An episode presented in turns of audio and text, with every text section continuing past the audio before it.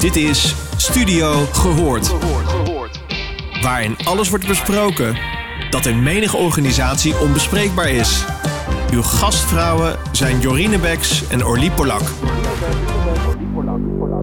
Welkom uh, luisteraars. Het is weer tijd voor een uh, mooie podcast. Wij uh, blikken terug.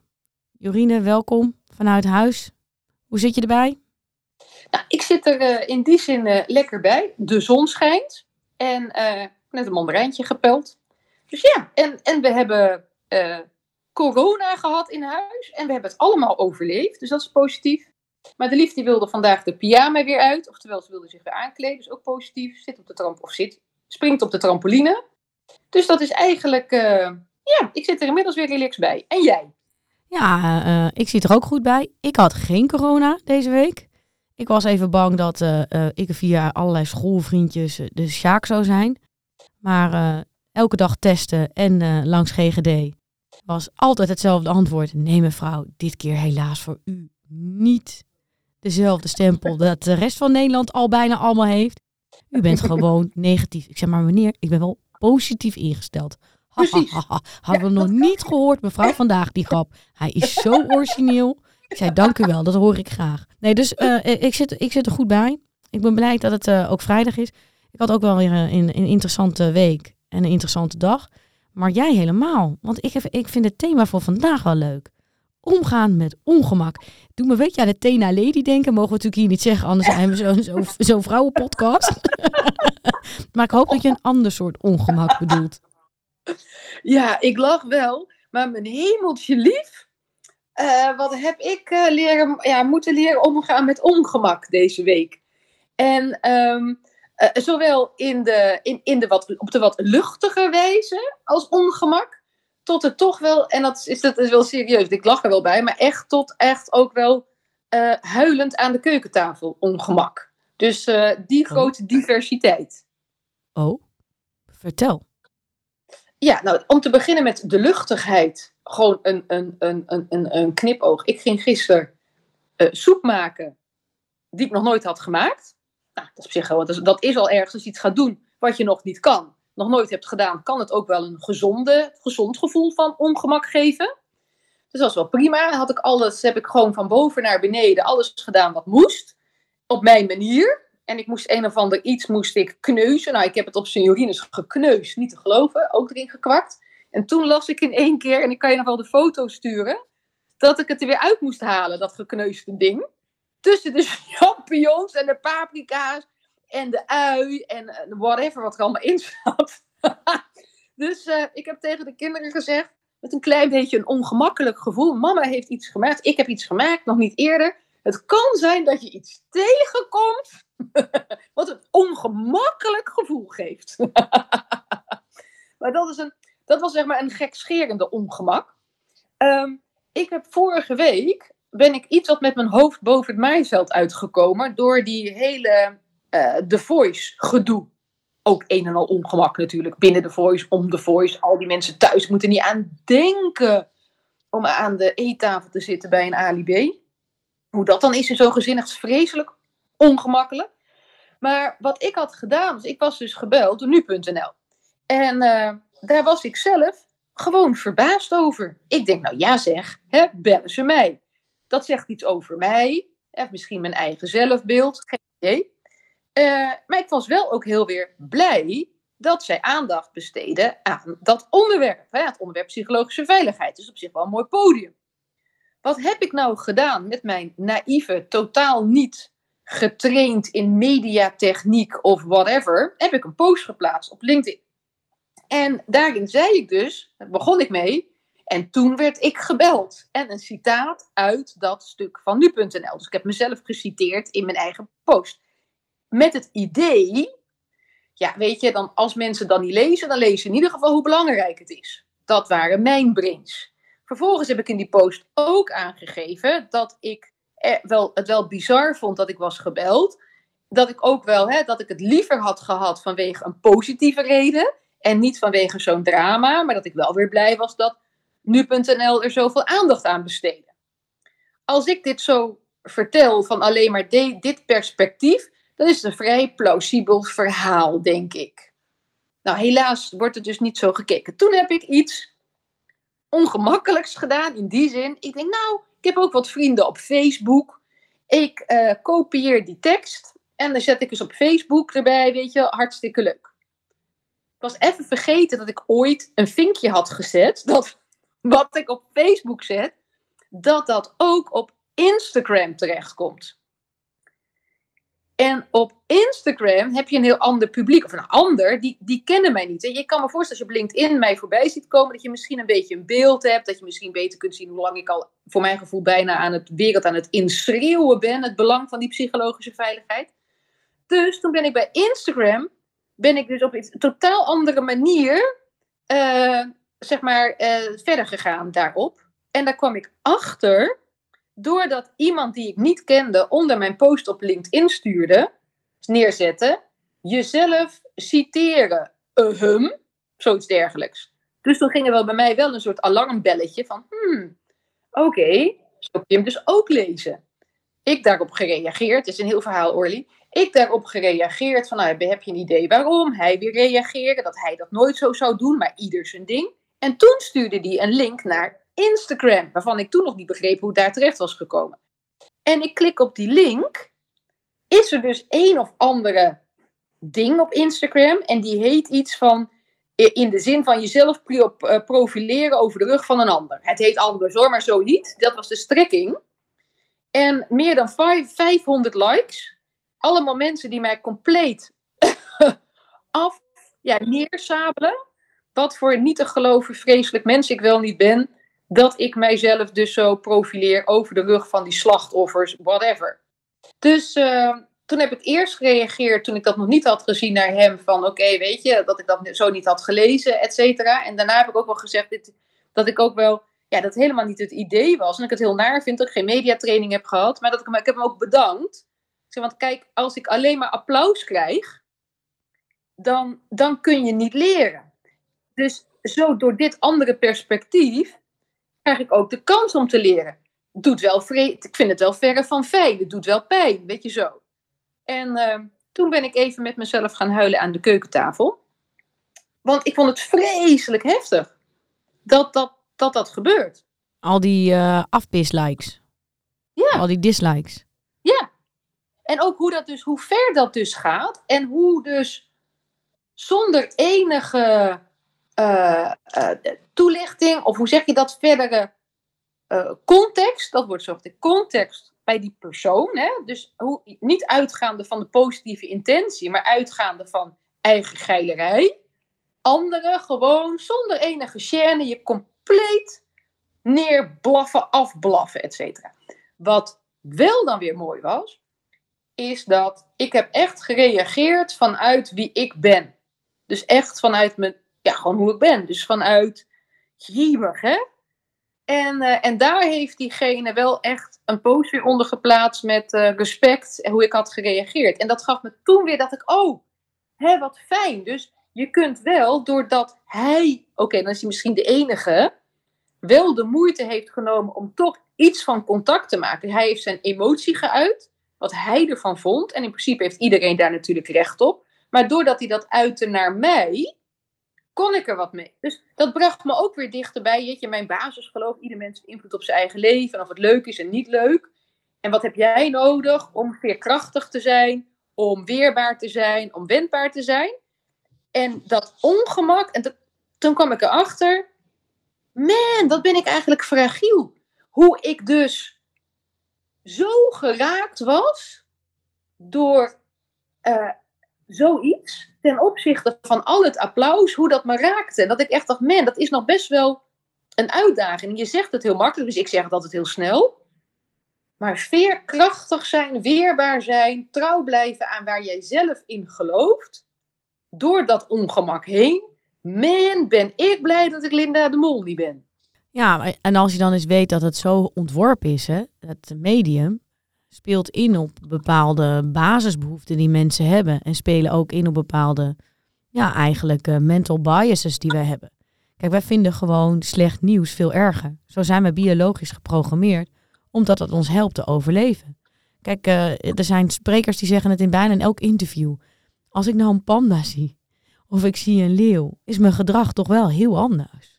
Ja. En dat, en dat is natuurlijk ook toe. Een, een dislike of iemand die heel kritisch naar jou is, ja, dat, dat doet pijn. En in, ik hoor ook in andere studies dat het zelfs helemaal contraproductief is. Dat mensen eigenlijk dis, dichtslaan op het moment dat ze te zware kritiek horen. Dat ze eigenlijk niet meer horen wat de ander zegt. Mhm. En alleen maar horen, ik ben niet goed genoeg. Ja. En, en dat zet ook aan tot denken. Dat je denkt, ik wilde je feedback geven. Ik wilde je eigenlijk helpen en verbeteren. Ja. Maar ik zei het misschien zo direct. Dat het enige wat jij hoort in mijn communicatieve taal is, ik ben niet goed genoeg. Maar wat ik hoorde, wat je grappig je het zegt, ik hoorde stemmen. De stemmen in mijn hoofd waren. eh, oh jee, nu ga ik met mijn kop boven het maaiveld. Of ik profileer me te groot. Ik, ik, ik ben een egoïst. Ik, ik, eh, alleen, maar, alleen maar alles waar ik bang voor ben. Ik ben arrogant. Ik, ben, nou, eh, ik zet mezelf centraal. ik ben een vreselijk mens. Dat hoorde ik er allemaal in. En dat zijn eigenlijk mijn eigen stemmen waar ik altijd mee worstel. Ook bij positief. Als jij iets aardigs zegt, en gelukkig doe jij dat, hè, tegen mij. Dan zeg ik niet bij mezelf, dan is niet het stemmetje van, oh, ik ben een egoïst. Dan is het stemmetje, nou, wat fijn dat ze zegt, maar. Weet je, voor mezelf is gewoon elke keer die vreselijke kritische stem. Maar iedereen heeft dat. En daarom zijn die platformen zo populair. Ja, Je ziet alleen wel aan de jeugd dat die er helemaal mee opgroeien. Is dat Ja. hele jonge meisjes van eh, 13, 14, misschien herken je het nu al in je eigen dochter, die helemaal voor de likes gaan. Hè? Die gaan dan op eh, TikTok een filmpje posten. Nou, die meisjes gaan kapot als daar alleen maar zurigheid op komt. En ik ben het wel een beetje eens, wij zijn dat helemaal niet gewend. LinkedIn is een best wel keurig platform, waar mensen heel beleefd zijn naar elkaar, waar veel Nou. kennis wordt gedeeld. Ik vind het echt een leuk platform vaak ja, die zijn niet gewend om, om mensen neer te sabelen. En dan, ja, je, je, je was bedoeld om kennis te delen en de discussie te starten. was helemaal niet bedoeld als hij kijk mij op het grote podium staan als de grote geleerde. Want iedereen stond op het podium en vond er wat van. Dat was ook juist goed. Dat geeft weer beweging.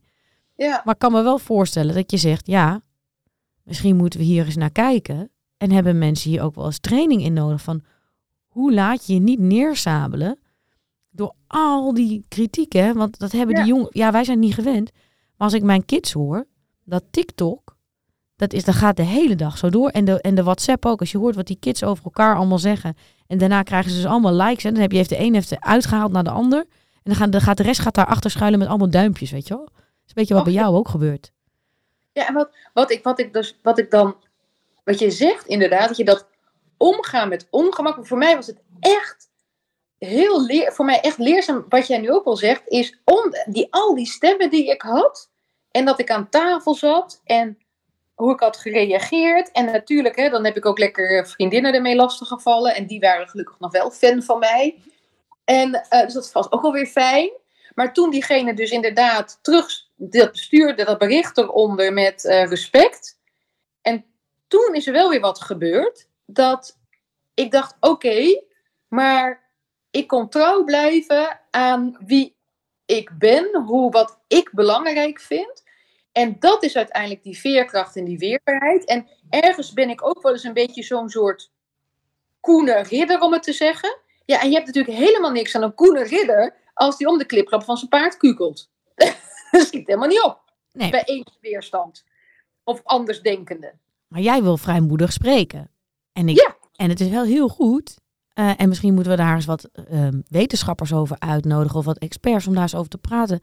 Als je nou op een podium staat. En je hebt een boodschap te vertellen. Zullen er altijd mensen zijn die, die Ja. je fan zijn. Die zijn het ermee eens. Maar je Ja. wil graag ook tegengeluid. Ja, exact. Dat wil je ook graag. Want dat, dat, Ja. dat, dat is juist de hele bedoeling van de dialoog. Ja. Maar hoe zorg je nou dat als je vrijmoedig spreekt en je wordt heel hard afgestraft, dat je toch niet het gevoel hebt dat het zwijgen je is opgelegd? Wat, dat is mega interessant. En ik had namelijk nog een ongemak. Dit was het ongemak van tranen. En eh, over ook nog het platform LinkedIn.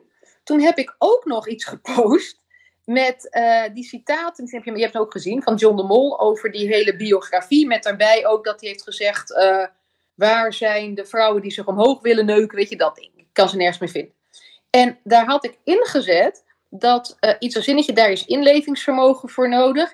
Helaas heeft niet iedereen dat. Ik heb niet gezet, John de Mol heeft het niet. Maar het was natuurlijk wel tussen de regels door dat ik wel iets een mening had. Er heeft een mevrouw, die dan ook met me dan gelinkt wilde zijn. Dat vond ik nog leuk. Die zette eronder. En jij hebt wel inlevingsvermogen, Jorien? Vraagteken. En uh, met daarbij dus wat zij er allemaal wel niet van vond. Wat ik deed. En dat ik een mening had en een vooroordeel. En vanuit oordeel uh, had gereageerd. Nou, op zich natuurlijk wel komisch. Want uh, ik met al die vriendinnen van mij die zeiden... Oh, mag, mag ze al Jorien zeggen? Hè, als, als grapje. Laten we direct Jor of Jojo zeggen, zoals we noemen. Maar um, wat het mooie daarvan was, is dat was ook een ander geluid, een tegengeluid, een kritisch geluid. En daar is een hele dialoog uit voortgekomen. Ik, ik, ik weet niet of ik het met jou had gedeeld, als kan het wel, het is wel echt wel mooi. En dan merk je dat die helemaal wordt afgepeld. Dus door die opmerking van haar, ik weer een vraag stellen erop in. Dus ik ging niet veroordelen wat zij vond. Ik vond er wel wat van. Maar aan de andere kant dacht ik, ja, daar heb je, dat schiet niet op. Want dan zet je tegenover elkaar. Hoe krijg je het naast elkaar? En ik was ook wel nieuwsgierig. Is er echt een heel mooi gesprek uit voortgekomen. En wat jij nu zegt ook, hoe, hoe gaat dat? En ik denk zelf wel dat het heel interessant is hoe, om daar dieper op in te gaan. Hoe ga je om met ongemak, dat je overeind blijft, trouw blijft aan wie je bent, maar ook de ruimte biedt voor die ander.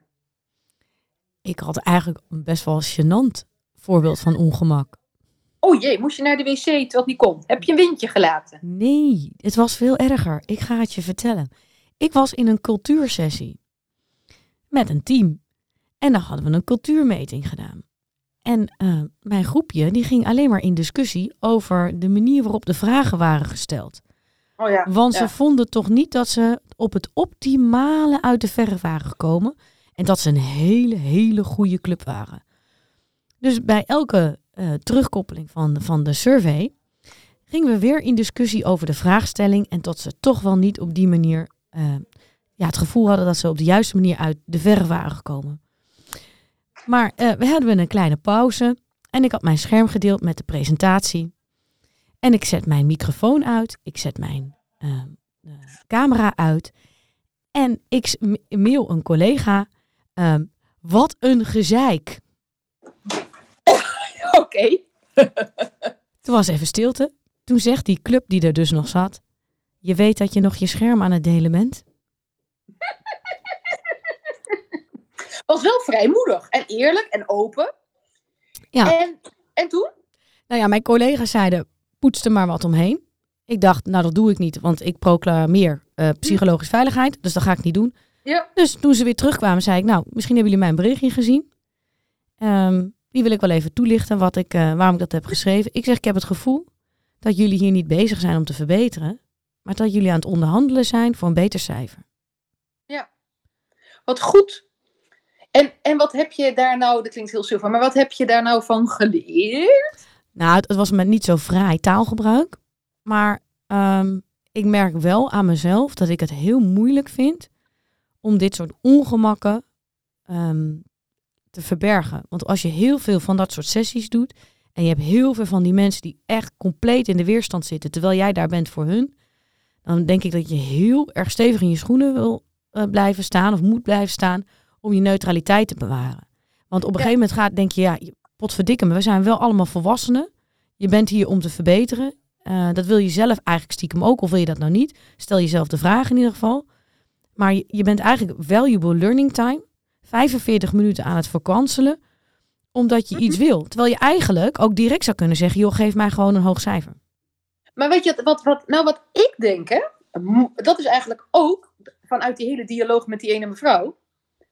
Ik denk niet dat psychologische veiligheid betekent dat je neutraal moet zijn. Ik geloof ook niet dat mensen erbij gebaat zijn, ook niet als facilitator, om de hele tijd neutraal te zijn. Ik geloof namelijk dat je best wel mag benoemen wat je opvalt om die beweging te creëren. Eigenlijk dus ook wat die meneer die mij tot tranen toe aan de keukentafel heeft gekregen, heeft gedaan.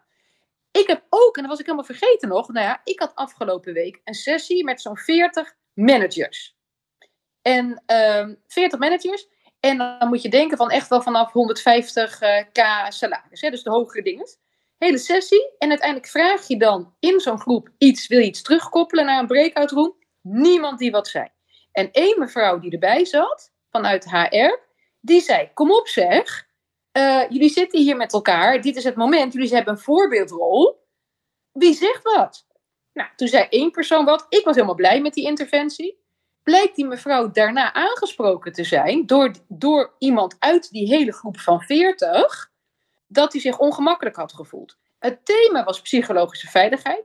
Het thema was hoe zorg ik ervoor dat ik wat zeg en de ander wat zegt. Ze vonden zelf dat ze altijd wat zeiden, zeiden wat ze vonden.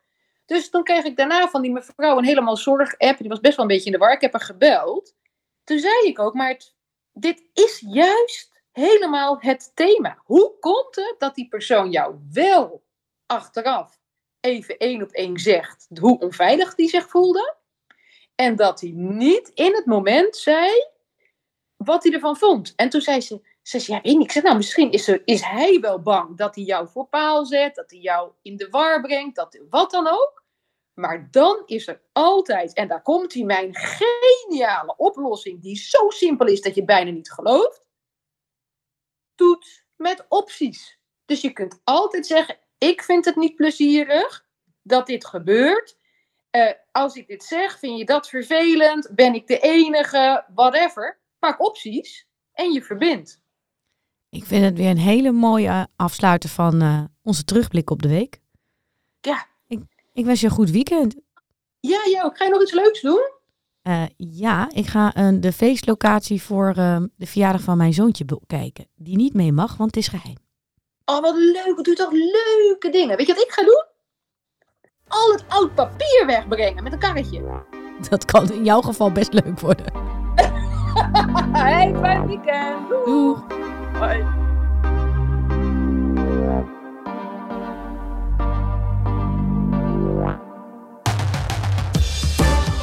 luisterde naar Studio Gehoord. Vond je dit een leuke podcast? Laat dan een review achter bij jouw favoriete podcastplatform. Tot de volgende!